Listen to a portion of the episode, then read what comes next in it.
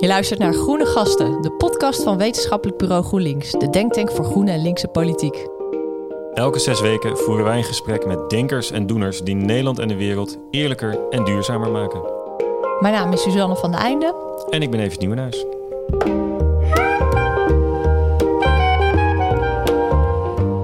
We moeten handel niet als doel hebben, maar als middel. En het doel is klimaat, armoedebestrijding, gelijkheid, et cetera. En dan kan handel een rol spelen. Dus eigenlijk de eerste, de eerste opdracht voor toekomstige handelsverdragen is dat er eh, dwingende afspraken worden gemaakt over klimaat.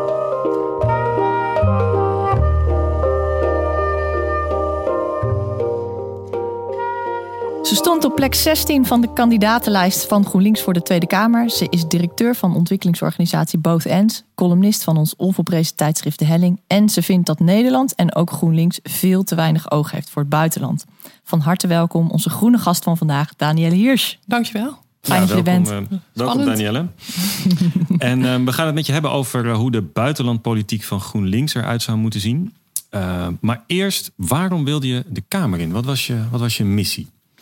Um, ik merk in mijn werk uh, dat uh, het in Nederland steeds minder vaak gaat over onze rol in de rest van de wereld. Dus we hebben het heel veel over wat er binnen onze grenzen gebeurt. Maar wat mij betreft veel te weinig uh, wat er buiten onze grenzen gebeurt. En dat vind ik zo belangrijk omdat Nederland geen kleine speler is op het wereldtoneel. We zijn met 17 miljoen mensen, maar we zijn een van de grootste exporteurs ter wereld. Mm -hmm. en wij exporteren vooral fossiele industrie. Uh, en alles wat daarmee samenhangt. Uh, onze landbouwsector is heel erg invloedrijk. Um, wij investeren met ons geld overal. En we hebben het absoluut niet over het effect van al ons handelen um, op mens en milieu in de rest van de wereld. En dat effect is negatief. Hè, dat uh, zegt het Centraal Bureau voor Statistiek ook heel duidelijk. Nederland draagt bij aan armoede, ongelijkheid en de vernietiging van ecosystemen in de rest van de wereld. Uh, dus uh, voor een groene en linkse partij, maar voor heel Nederland, uh, is het denk ik belangrijk dat we daar veel meer aandacht voor gaan krijgen. Want ook GroenLinks heeft daar te weinig aandacht voor. GroenLinks heeft, het is heel interessant, GroenLinks heeft er wel aandacht voor, zegt ook de juiste dingen.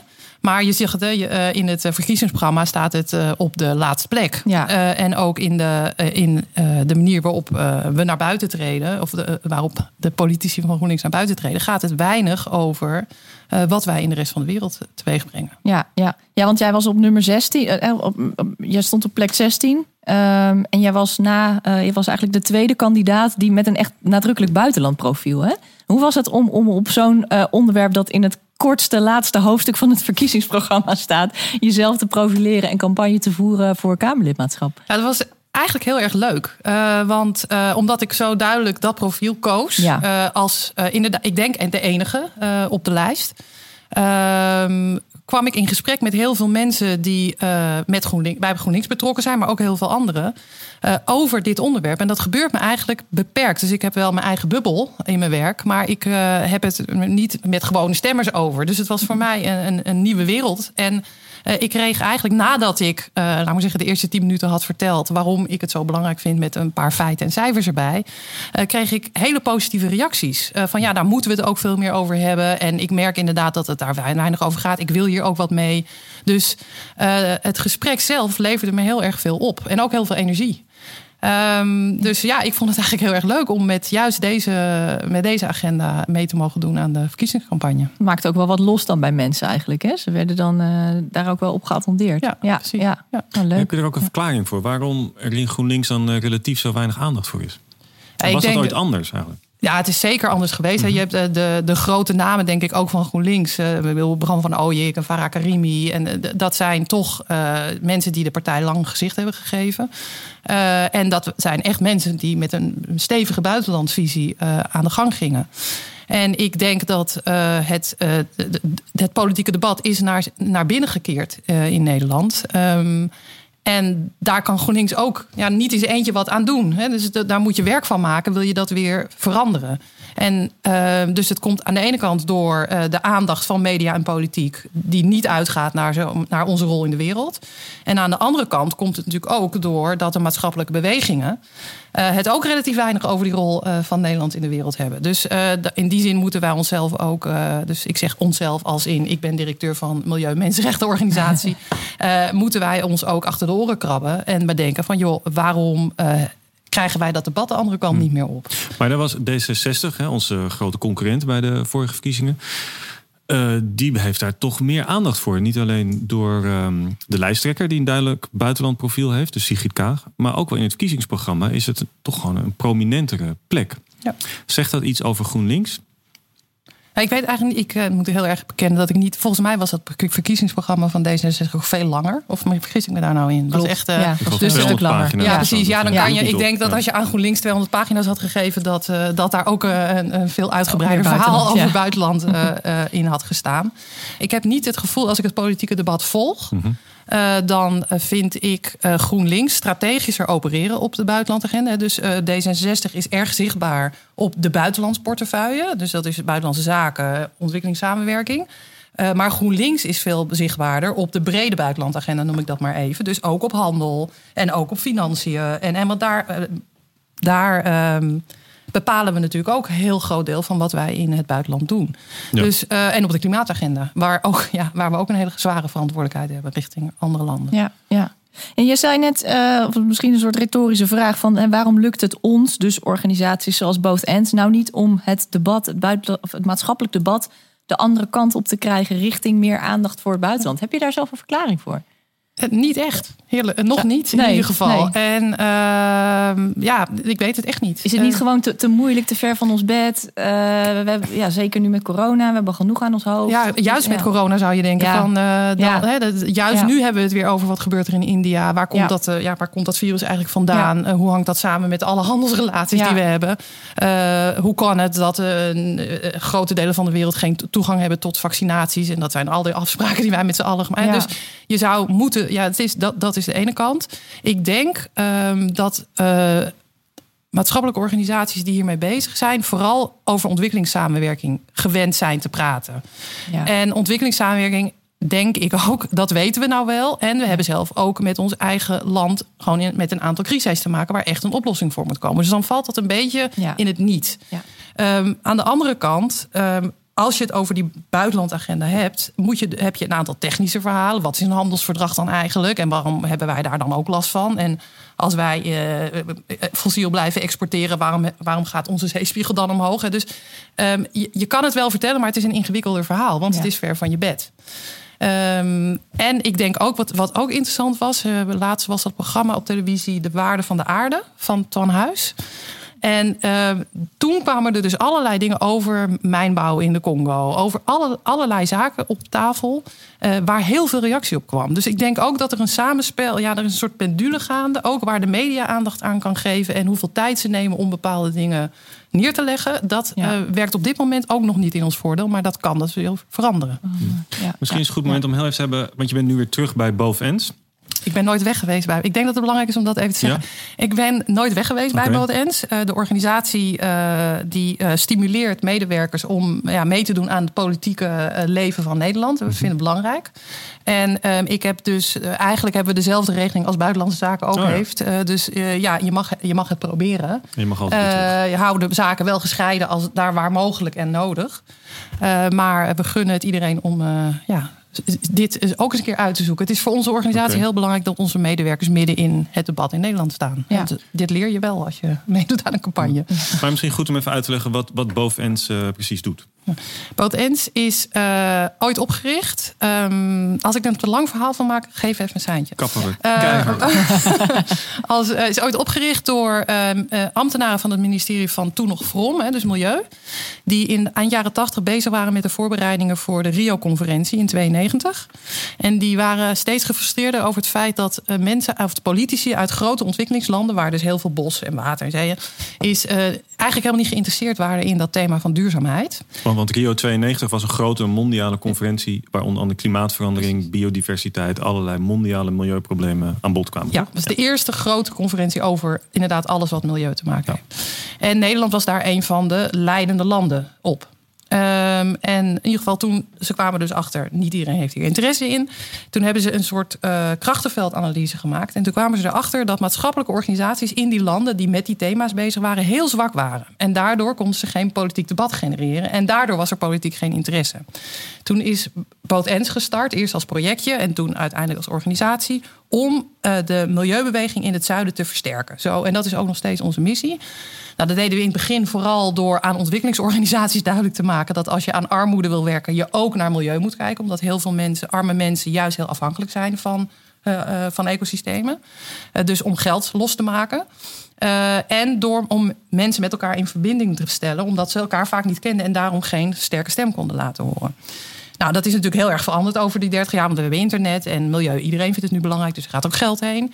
En nu zijn we uh, nog steeds die verbinder en we zijn nog steeds een fondsenwerver, omdat we dicht bij het geld zitten. Want Nederland is nou eenmaal rijker dan uh, Nigeria of Zimbabwe als het hier over gaat. En tegelijkertijd zijn we in dat netwerk ook uh, beïnvloeden we de Nederlandse politiek omdat, omdat Nederlandse beslissingen zoveel invloed hebben op dat wat die organisaties elders, waar ze mee te maken krijgen. Ja. Ja. Uh, dus wij zeggen, ja, wij, zijn, wij beïnvloeden dat onze sfeer of influence ligt in Nederland. En daar gaan wij verandering in proberen te brengen. Ja. En nou lijkt me dit een vraag die heel moeilijk uh, ontkennend te beantwoorden is voor een directeur van Bovens. Maar is jullie rol dan niet eigenlijk groter dan ooit? Door, of, of belangrijker dan ooit? Door klimaatverandering, door corona, et cetera. Ja. Dat is zeker waar. Dus wat je kan hem ook. Uh, de, uh, we, uh, we groeien. En dat is denk ik een teken dat we ons werk goed doen, maar ook met het goede bezig zijn. en dus we zitten middenin de spanningen die op dit moment op onze samenleving staan. En dat is zowel armoede en ongelijkheid als milieu, klimaat. En die twee die zijn dus wat ons betreft nooit van elkaar losgeweekt geweest. En daar beginnen steeds meer mensen beginnen dat ook in te zien. Dat merk je ook. Ja. Dat jullie rol daarin belangrijk wordt. Ja. Of dat je, ja. ja. En dan even over naar um, wat, uh, wat, hoe de buitenlandagenda van, nou, van GroenLinks, maar eigenlijk gewoon van de, van, van de overheid eruit zou moeten zien. Je schreef in de helling in een van je columns: Als we een beter klimaat willen, moeten we kiezen voor een ander buitenlandbeleid. Een beleid dat niet alleen aan marketing doet, maar dat hand in hand gaat met een stevige aanpak in eigen huis. Kan je dat eens uitleggen? Uh, waarom, hoe ziet dat eruit dat we nu te veel aan marketing doen? En, en wat zouden we anders moeten doen? Dat was een fascinerende uitspraak. Uh, nou, kijk, Nederland, als Rutte of, of, minister Kaag naar de VN gaan, of we hebben een klimaatgezant, die gaat dan vertellen twee dingen. We moeten met z'n allen iets aan uh, klimaatverandering doen. De uitstoot moet omlaag. Dat zeggen ze dan in hele algemene termen. Ik zeg het even een beetje zwart-wit, maar goed, you, you, get my point. Mm -hmm. uh, en aan de andere kant zeggen ze... en wij als Nederland kunnen helpen om de effecten van klimaatverandering op te vangen. En dan zeggen ze eigenlijk, wij zijn heel goed in kustbeheer. Dat zijn we ook, want we zijn een polder, dus uh, we kunnen onszelf... wij, ja. wij, wij, leven onder water letterlijk. Ja. En aan de andere kant hebben wij natuurlijk heel veel kennis op het gebied van landbouw bijvoorbeeld, waardoor je landbouwtechnieken kan ontwikkelen die uh, beter om kunnen gaan met de veranderende weersomstandigheden. Of klimaatomstandigheden moet ik zeggen. Um, maar ze zeggen er nooit bij wat wij in Nederland zelf niet zo heel erg goed doen. En ik denk dat het inmiddels bekender is, maar Nederland is dus binnen Europa een van de slechtste jongetjes van de klas. Uh, onze uitstoot gaat niet voldoende omlaag. We hebben heel relatief weinig duurzame energie. Uh, we zijn een gasrotonde. Dus we, uh, en, we, um, een gasrotonde, wat houdt dat in? Wij, wij zijn importeur en exporteur van oh, gas van de, aan de noordelijke kant van Europa. Ja. En, maar onze uh, ons exportmodel is ook fossiel gedreven. Dus als je kijkt naar de, main, de mainports, dus we hebben mainport de haven van Rotterdam ja. en we hebben natuurlijk ook mainport Schiphol. Dat zijn hele intensieve, die gebruiken veel fossiel, maar die handelen ook. De, Rotterdam die handelt ook in fossiel. Ja. Um, daaromheen hangt daar een heel maritiem cluster. En dat maritiem cluster bestaat uit allerlei infrastructuurbedrijven.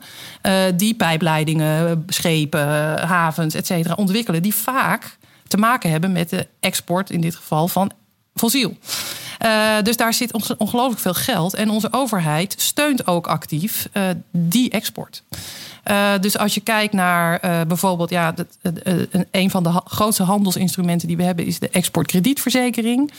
Wat is dat? Uh, dat is, um, ik zeg hem even, ik mag eerst even twee getallen en dan ga ik vertellen ja. wat het Dus uh, we, we, we, stoppen even, het, het, contrast is, we stoppen uh, eh, 600 miljoen in het potje voor klimaatfinanciering. Daarvan kunnen andere landen kunnen mm -hmm. dat dan gebruiken om iets aan klimaat te doen. Dat is onderdeel van het mondiale ja, klimaatverdrag. Hè? Precies.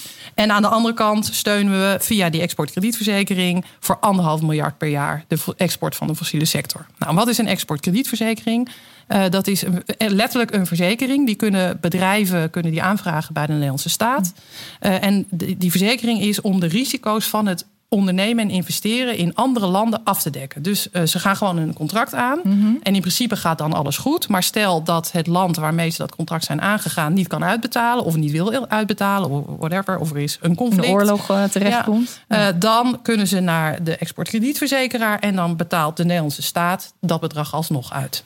En. Uh, en als wij hebben nagegaan hoeveel, wat voor deel daarvan dan naar de fossiele sector gaat. En dat is ongeveer twee derde van dat hele instrumentarium. Zo. Um, uh, en de, wat daar, er zijn meerdere dingen um, op aan te merken. Maar wat je dus eigenlijk door dit soort hele grote projecten in de fossiele sector te ondersteunen leg je landen die nu nog kunnen kiezen, want heel veel ontwikkelingslanden hebben nog helemaal niet zo'n goede energieinfrastructuur. Dus ze zouden kunnen kiezen voor duurzaam.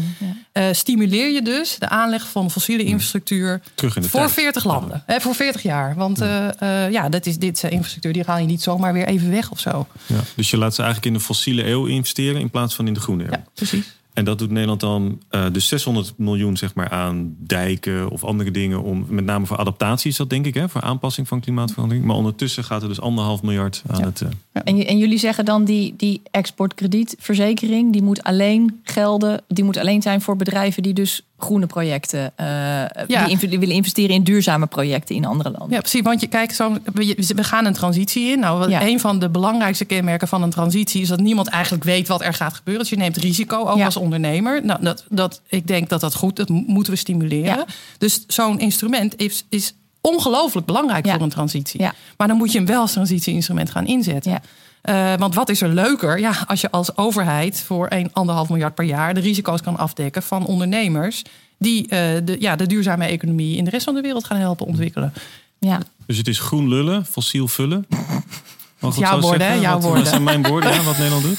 Um, Maar dat ja. is, waarom Ja. hoor ik daar niemand over? Dat is toch eigenlijk gewoon heel erg. Ik heb het wel eens over Noorwegen gehoord. En Noorwegen die wil eh, CO2-neutraal in nou ja, iets, iets vooruitstrevends. 2040 geloof ik of zo. Ik precies. Maar dat geldt dan niet voor hun olie-exportsector. Nou, Davos zegt, nou ja jongens, kom op zeg. Dat kan. Maar dat Nederland doet dus precies hetzelfde. Nederland doet precies hetzelfde. Ja. Waarom horen we daar niks over? Lees Danielle in de helling. En lees er, op, je schreef Ja. een opiniestuk over in NRC, toch? Met je collega van Ja. Ja, nou, het was dus, daarom was, vond ik het vooral heel erg leuk om aan, die campagne, eh, aan de campagne mee te doen. Want toen, ja, dan, eh, dan gaat het er opeens wel over. Dus ik had best wel veel, eh, ook in, niet alleen in NRC, maar geschreven hierover. Ehm, en ik denk wel dat het steeds onontkoombaarder wordt dat we er wat over gaan horen. Ehm, maar ja, het, het is hard werken.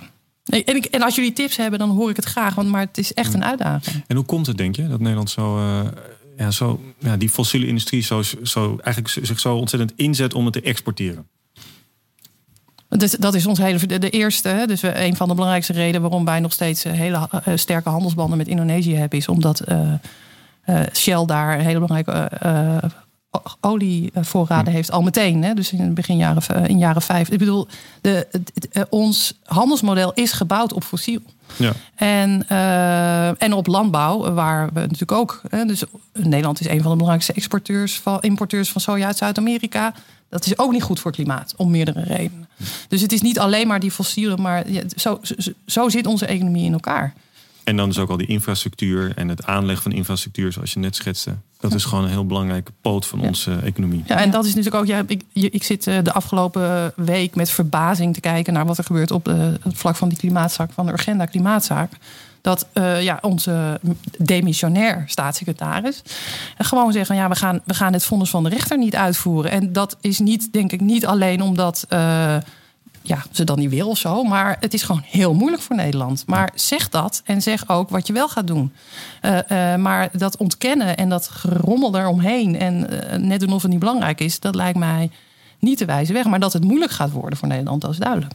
Wat is, wat is het moeilijkste? Waar zit het dan vooral in? Nou, de, uh, de belangen. Dus je moet, je moet mensen met uh, bedrijven met veel invloed, die zal je uh, grenzen moeten gaan stellen. Ja. Uh, dat is politiek gezien waarschijnlijk niet. Ja, ik zou, niet, ik zou geen ander verklaren. Dat is politiek op dit moment niet winstgevend. Nee. Je wint er ook geen stemmen mee als je zegt we gaan met. Dat hebben wij gemerkt. Ja. En we gaan niet aan klimaat doen. Nou, dan scoor je niet heel hoog mee. Nee. sterker nog, de, bedrijf, de partijen die het hard roepen, we gaan het vooral niet doen. die, ja, die hebben de steun van de Nederlanders van de op dit moment. Dus je, de politiek weinig mee te winnen. Uh, ja. En wat kun je doen om het te veranderen? Je kan, dus je, en dan bedoel ik het eigenlijk een laag dieper. Je kan natuurlijk die regels veranderen. Ja. Maar dan laat je mensen doen wat jij wil dat ze doen. Maar nog liever wil je dat zij het zelf willen.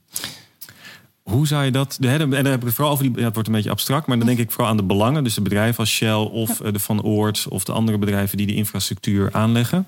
En die wij dus exporteren naar de rest van de wereld... zodat zij nog even in de fossiele eeuw blijven hangen. Wat kan je daaraan doen Welke prikkels kan je geven dat die bedrijven ook groen willen worden? Eh, ik denk dat, uh, want het zeggen die bedrijven zelf ook, we willen wel, uh, maar het is heel ingewikkeld. Het is ook ingewikkeld. Uh, ik denk dat er wel laaghangend fruit is. Hè. Dus hoe op dit moment geven wij prikkels voor fossiel? Nou, die exportkredietverzekering is daar een voorbeeld van. Stel dat je zegt in 2025, ik roep maar even een getal, doen wij dat niet meer. Stoppen we met fossiel, maar gaan we alleen nog maar groene verzekeringen uitgeven. Dan kan een bedrijf zich voorbereiden op project, met projecten die die verzekeringen krijgen. Als, zolang wij nog 17,5 miljard euro per jaar subsidie geven aan fossiel. Uh, dan is er ook heel veel prikkel om in fossiel te blijven. In plaats van als je zegt 17,5 miljard naar groen, dan gaan we groene dingen doen. Um, als wij uh, de A27 blijven verbreden, Schiphol laten groeien. Dus we, we, we, zetten ook geen grenzen aan die fossiel. En daarom geven we dus ook geen voordeel aan groen. Um, terwijl er ook bedrijven zijn, en dat zijn er niet weinig, die zeggen: jongens, hou daar nou eens mee op.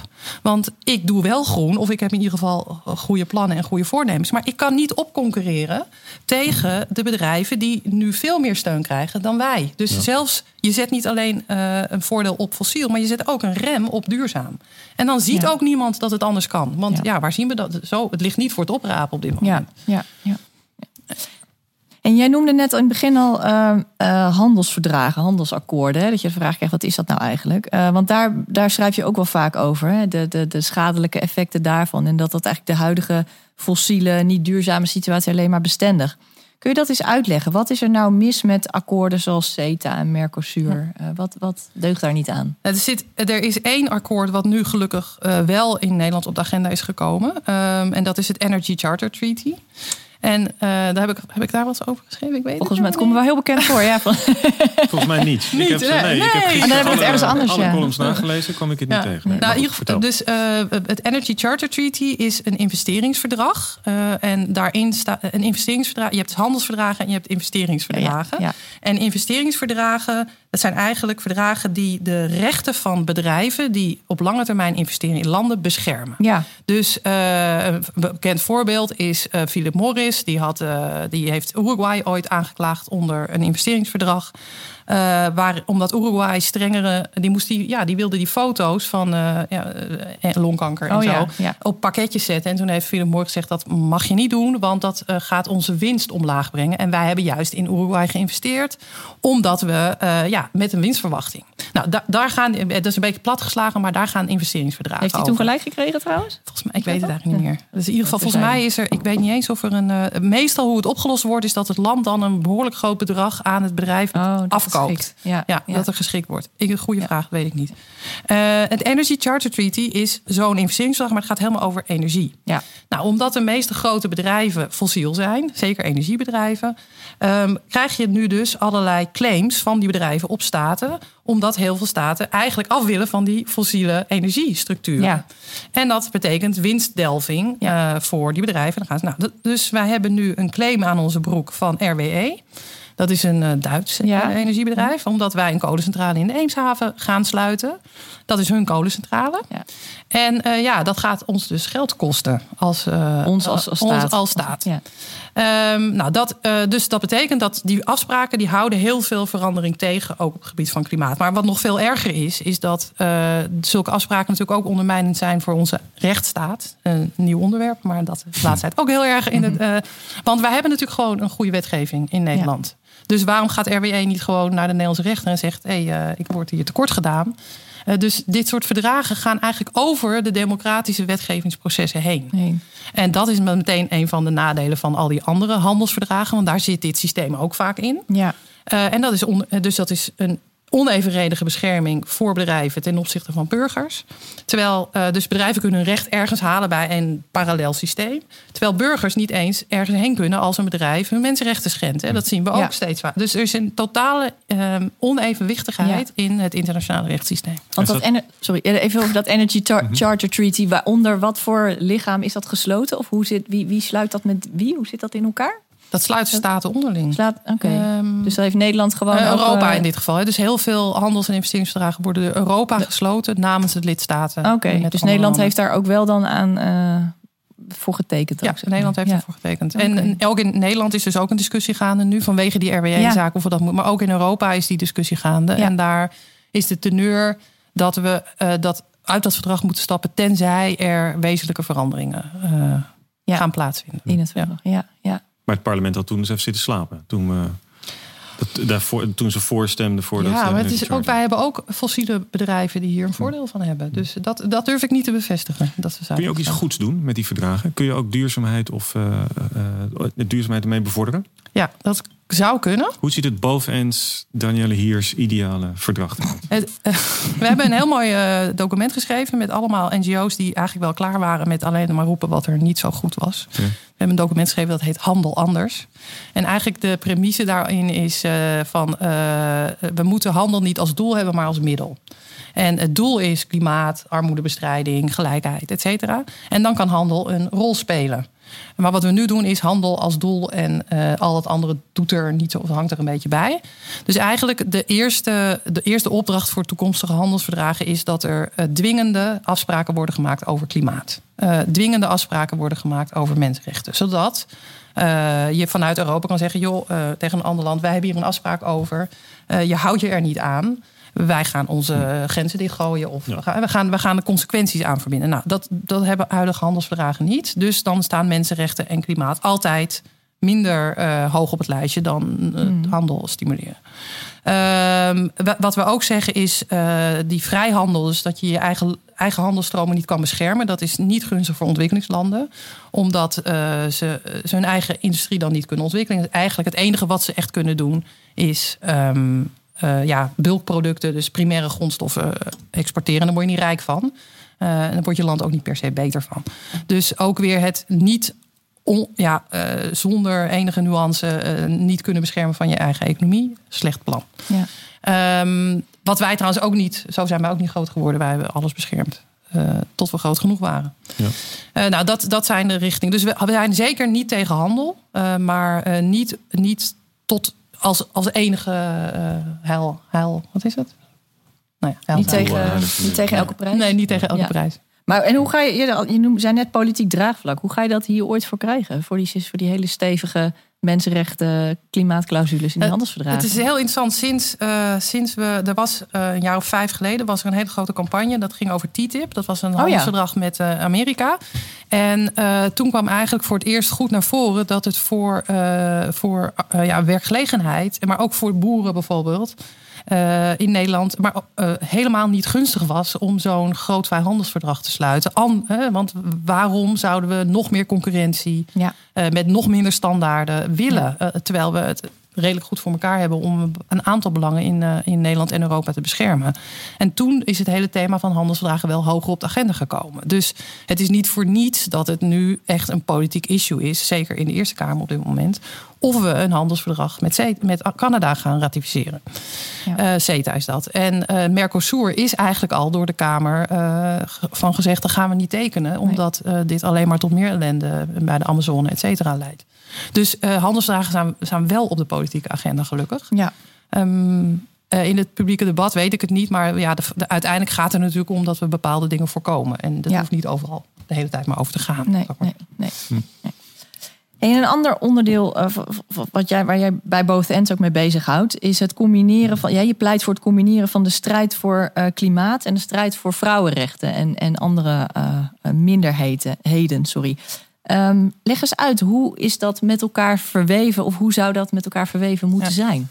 Eh, nou, eh, vrouwenrecht. Oké, waar moet ik beginnen? Ehm, vrouwen, wij, wij vrouwen zijn Ja. de helft van de wereldbevolking. Eh, dus we zijn zeker geen minderheid. Nee. Eh, en we zitten wel op heel weinig plekken waar besluiten worden genomen. Dat is, dat is de minderheidspositie. dat is de minderheidspositie. Ja, Ja, ja, ja. En ehm, tegelijkertijd zijn, is er veel vrouwelijk leiderschap, ook waar het gaat over milieu en klimaat. Ehm, en eh, ja, met, als je de, wij, eigenlijk de stelling is: als je de helft van de wereldbevolking niet meeneemt, kom je nooit tot oplossingen. Ehm, dat is de eerste, de, de, de basis, Mhm. de overtuiging. Nou, nu is het eh, in de milieubeweging nog even zoeken van wat doe je dan met, met vrouwenrechten? Want het is natuurlijk niet een tokenisme. Je kan niet zeggen, ja, dan halen we vijf vrouwen erbij, leuk. Het gaat echt over een veel inclusievere manier van werken. Dus, Want die is nu dus niet inclusief. Dat is eigenlijk jullie punt. Het is nu niet inclusief. nou, wat vonden wij in ieder geval voor onze organisatie niet? Eh, en toen zijn we dat gaan onderzoeken. Mhm. eh, van wat, wat, wat moeten we dan anders doen om vrouwen een stem te geven, voor te bereiden, een, een- een veilige omgeving te geven om hun stem te laten horen. Et cetera. Nou, dat, dat vergt nogal wat. Want dan moet je dus je hele processen eh, gaan omgooien. En bovendien werken wij met eh, veel eh, organisaties die door mannen worden geleid. Mhm. Dus ook de milieubeweging, in ieder geval, dat begint nu te veranderen, maar is tamelijk gedomineerd door mannen. Mhm. Ehm, en eh, dus je moet het niet alleen je eentje doen, je moet het ook samen met al die mensen in je netwerk doen. Mhm. Ehm, en uiteindelijk zijn we, zijn, daar hebben we de stappen opgenomen. En tegelijkertijd kwam er in de vrouwenbeweging, werd het steeds duidelijker, dat heel veel van de vrouwen die in die vrouwenbeweging bewegen, ehm, eigenlijk eh, opkomen voor beter milieubeheer, tegen klimaatverandering, et cetera. Maar de vrouwenbeweging wist niet zo goed wat ze daar dan weer mee moesten, want die Oké. waren niet bekend in die Ja. wereld. Dus hoe kom je met die vrouwen dan ook die milieuwereld in? Ja. Dus toen zijn we een eh, samenwerking gestart met twee vrouwenorganisaties. Eentje in Nicaragua, eh Fondo Centroamericano de Mujeres. En met Mama Cash in Nederland. Om die twee bewegingen bij elkaar te brengen. Met als doel dat de milieubeweging inclusiever wordt.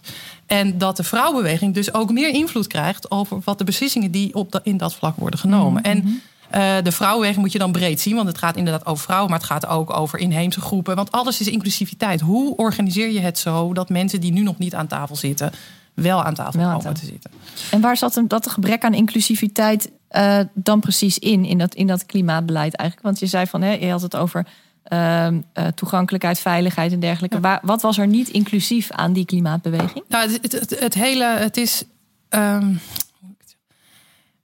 het, ik, weet, ik vind het heel moeilijk uitleggen, maar het Mhm. gaat dus veel meer over proces dan over inhoud. Dus inderdaad, hoe organiseer je gesprekken over klimaatbeleid? Hoe, Zodat iedereen do- dat iedereen mee kan mee doen. kan- ja. Eh, maar ook waar gaat het geld heen? Dan gaan we, dus dat is voor ons het makkelijkst. Eh, Als je de geldstromen volgt, Mhm. dan komt dat nauwelijks bij vrouwen terecht. Dus als je naar het Green Climate Fund kijkt, waar wij dan eh, ve- vele miljoenen in stoppen. En dan komen allemaal gewoon mainstream, grootschalige projecten. Die gaan daar dan doorheen. En dan vraag je van ja, hoeveel van die projecten worden überhaupt geleid door een vrouw? Hè? Dan heb ik het dus niet over inheemse groepen of Nee. nee, niet ingewikkeld. Nou, het is gewoon Bijna heel, erg, heel Ja. erg weinig. En ze weten het vaak niet eens. Nee. Dus het, eh, eh, dat basale niveau Ja. al, dat je gewoon niet aan de knoppen komt. Ja. Eh, dat, dat is En, het. en is dat gelukt? In, in Nicaragua was het, hè? Was het Uruguay? Wat zei je? Nicaragua. Nicaragua, Nicaragua. daar zit dat, die organisatie met en is dat werken. gelukt om dan meer de vrouwelijke stem daarin eh, gehoord te krijgen? Nou, Wat? nu... De, de, eh, oh, sorry. Je Nee, ging je maar zeg maar ja of nee, of dat gelukt is. Zou je... Nou, eh, we zijn vijf jaar geleden begonnen. En zij, de, wij krijgen geld van de Nederlandse overheid voor Ja. dit programma. En dat geld kwam altijd uit het, laat ik zeggen, uit het thema of uit de poot vrouwenrechten. Ja. Dus wij krijgen ge- geld om vrouwenrechten, vanuit vrouwenrechten om met vrouwen aan milieu te werken. Ja. Vijf jaar later krijgen we inmiddels geld uit het klimaatpotje om eh, met vrouwen aan klimaat te werken. Dus dat betekent dat er veel meer vrouwen nu in Ja. de staat worden gesteld om met, klima met, met, met klimaat te bemoeien. maar En wat verandert er dan? Wat brengt dan die vrouwelijke stem eh, mee? In Nicaragua bijvoorbeeld? Eh, dat er veel meer. Wij hebben geleerd dat als je vrouwen aan tafel wil krijgen, dat je eerst moet zorgen dat ze dat veilig kunnen doen. Dus ook vanuit hun gemeenschap worden ze soms aangevallen of vanuit een familie. Dus ze moeten de, twee. Eerst moet hun, laat maar zeggen, dagelijkse bestaan op orde zijn. Dus er moet, er moet eten op tafel zijn. Eh, staan, want dat is waar ze zich zorgen over. Ze moeten eh, kinderen naar een, een gezondheidscentrum kunnen brengen, et cetera. En dan kunnen ze pas politiek actief worden. Dus eh, eh, wat zij ook, er komen ook veel meer eh, voor. ehm, ze zijn ook duidelijk geïnteresseerd in het werken aan hoe dan wel. Dus Ja, ja, ja. het is heel erg leuk om allemaal debatten te hebben over wat er niet werkt. Maar Ja. we willen het gewoon nu anders doen. Dus, als dus die vrouwelijke stem, zou je, als je het dan even helemaal Ja. plat slaat en chargeert, et cetera, dan, dan is die wat praktischer. Je krijgt een wat praktischer, nou, eh, kan ik het zo zeggen? Ja, ik heb zelf wat, wat wij geleerd hebben is eh, als je eh, ook dit klinkt wel dat je ehm, op het moment dat er vrouwen aan tafel zitten, gaat het over jou. Dan gaat het over waar jij je goed. Hè, dus dan gaat het over jouw welzijn. En het is dus veel minder brainy, zou ik maar zeggen, en veel minder theoretisch en veel meer rekening houdend met waar hebben mensen echt behoefte aan. Mensen, niet wat staat er op papier en wat zijn de getallen. Dus het, is, het gaat over jouw lijf, zeggen ze vaak. Ik, Ja. en, eh, dat, dat, en als je het zegt, dan denk je wat. Als je eerst dat je denkt van. huh? En daarna ga je erover nadenken. Ja, het gaat. Ik voel het in. Je voelt in jezelf wat het betekent dat we slecht omgaan met ons klimaat en onze omgeving. Ja. En dat leggen zij veel en veel sterker op tafel. En, of wij eigenlijk, want wij zijn ook vrouwen. Eh, en, dat is, eh, en het is eng om dat te doen als je een hele kleine minderheid bent aan een eh, tafel met allemaal belangrijke Ja. pakken. Maar als je daar met z'n vijftiende zit, dan gaat het er opeens over. Ja. En eh, dan kantelt er dus iets in het denken over wat je moet doen om een oplossing te vinden. Ja. Dus ik vind het, het, gaat, het is praktischer, maar het is ook een andere niveau in het debat brengen, wat we vergeten zijn. Ik kan me ook voorstellen, ik, weet, ik geloof dat Oxfam het is dat die, nou dat ik het daar een keer vandaan heb, dat ik dat ook vroeg. En toen zei dus, nou ja, het is ook zo dat veel de gevolgen van klimaatverandering raken vrouwen, als bijvoorbeeld in Afrikaanse landen, vaak bijvoorbeeld eerder, want zij zijn degene die verder moeten lopen om water te halen of om brandhout te halen. Of, ehm, dus zij worden er meer mee geconfronteerd dan in, in, in veel samenlevingen daar, dan mannen. Ehm, en je krijgt dus ook veel meer dat perspectief mee, dat zij daar dus nou ja, daar direct gevolg van hebben. En daar dus ook meer aan de oplossing willen Ja. Is dat ook iets wat jij Ja, onderschrijft? dat, de, eh, ik ben daar voorzichtig mee. Mhm. Eh, niet omdat het niet waar is, maar omdat het eh, vrouwen snel in een soort van slachtofferrol zet. Hè. Mhm. Dus dan gaan, dus de- wat je dan, waar, waar je voor moet opletten, is dat je niet zegt: Oh, die vrouwen hebben er last van, dus wij gaan bedenken wat we eraan gaan doen. Het punt is juist dat die vrouwen donders goed weten wat je Ja, eraan maar dat moet is wat doen. ik bedoel. Ja. Ja, en, maar dan is de volgende stap. Dus dan moet je eraan gaan werken om te zorgen dat zij ook gewoon aan die tafels terechtkomen. Ja, En, eh, en, eh, maar nogmaals, het zijn niet alleen vrouwen die het last van hebben, maar gewoon vrouwen in het algemeen. Ja. Wij eh, moeten ook vaker aan die tafels komen. Ehm, Ja, dat begrijp ik. Doen we dat in Nederland? Hoe doen we dat in Nederland? Zitten we daar ook? Ook weer alleen maar pakken. nou, ja, nee, eh, nou, het is gewoon in Nederland is de, is, is de gelijkheid tussen man en vrouw op eh, besluitvormende posities overal niet al te best geregeld, laat ik het dan maar zo zeggen. In de be- eh, beraden van commissarissen was onder de 10%. In de wetenschap is geloof ik 7% professor of zo. Ja. van vrouw. Ja, dus het, het is gewoon best slecht. Ja, Aan deze tafel ben ik bijna altijd in de minderheid. Ja. Dat heeft ook een reden. Aan deze podcast staan. Nou, ga je ons dan helpen zorgen dat dat aan andere tafels ook Ook gebeurt? Is de zeker, volgende ja. vraag. Zeker. Ja. Het gaat er best goed, toch? Ja. Er is geen enkele reden om. eh, Nee.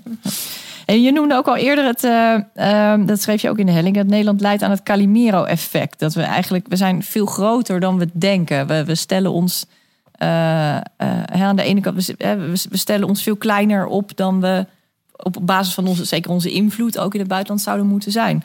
Hoe zit dat nou, hoe zit dat nou in elkaar? Waarom, waarom? Calim- Ja. weet je, jullie weten Ja, ja, ja. Zij zijn groot en ik is klein. En dat is niet eerlijk. En dan kan je dus, dat is niet eerlijk, maar vooral dan ga je dus ook niks doen. Ja. Want eh, het is allemaal zo oneerlijk geregeld. En- Slachtoffer, ja, ja. Eh, sorry, wie?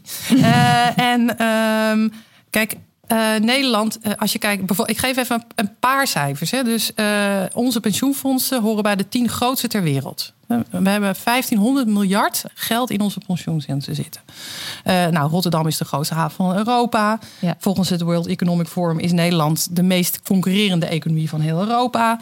We zijn de ene grootste exporteur van eh, landbouw in de wereld. Eh, dus dat is nogal realiseert wat. ook niemand dat zich realiseert niemand hè? zich. En Nee. dat, nou, dat wordt dus ook niet vaak gezegd.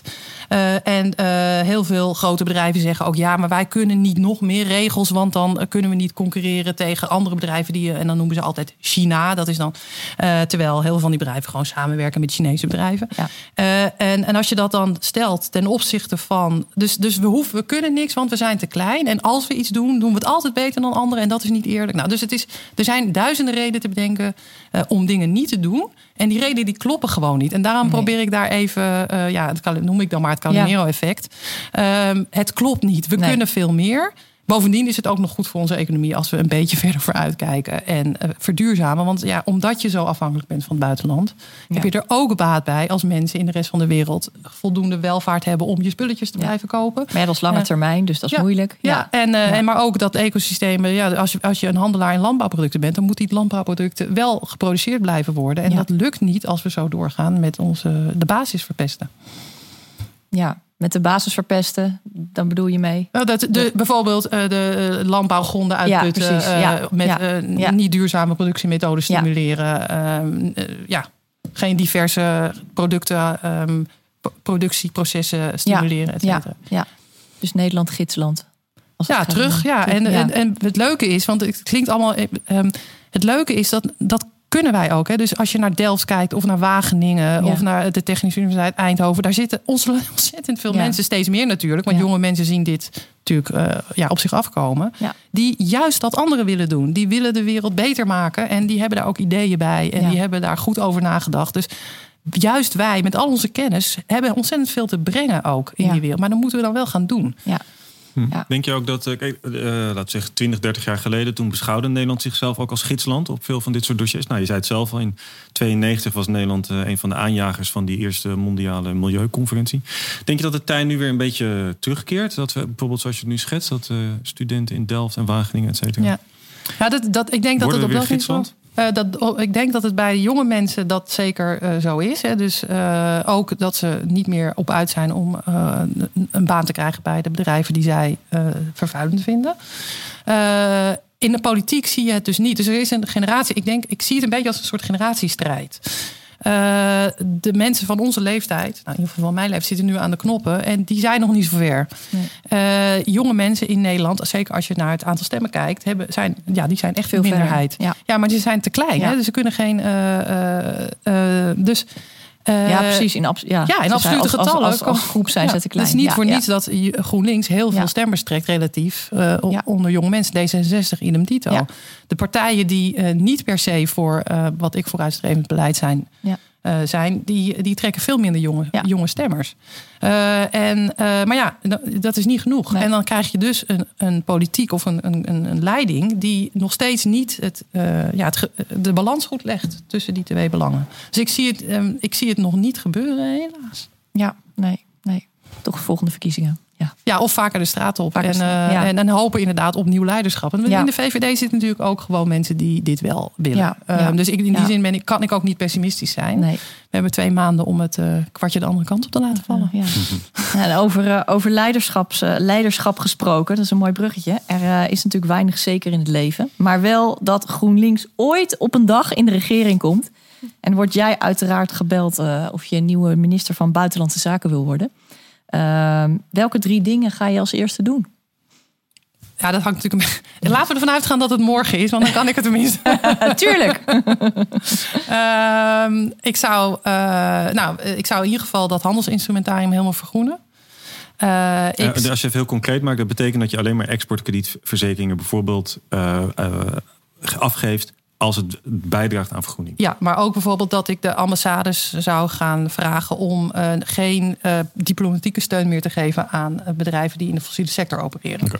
En want dat is natuurlijk een ander. Ja, we hebben geld en we hebben invloed. En die invloed die wordt ook aangewend. En helemaal Ja. geen, of gaan we het langzaam afbouwen? Nou ja, kijk, het, als ik, ik zat, zit waarschijnlijk in een kabinet dat niet helemaal GroenLinks is. Dus Die ik kans- zal wat weg moeten bestaat. geven. Dus laten, we, laten we het afbouwen. Ja. Maar wel met, en dat is natuurlijk een van de andere dingen, afbouwen met een duidelijk eindpunt. Hè? Dus per 20, ik zei net al 2025, maar ook 2024 zijn, doen we dat meer.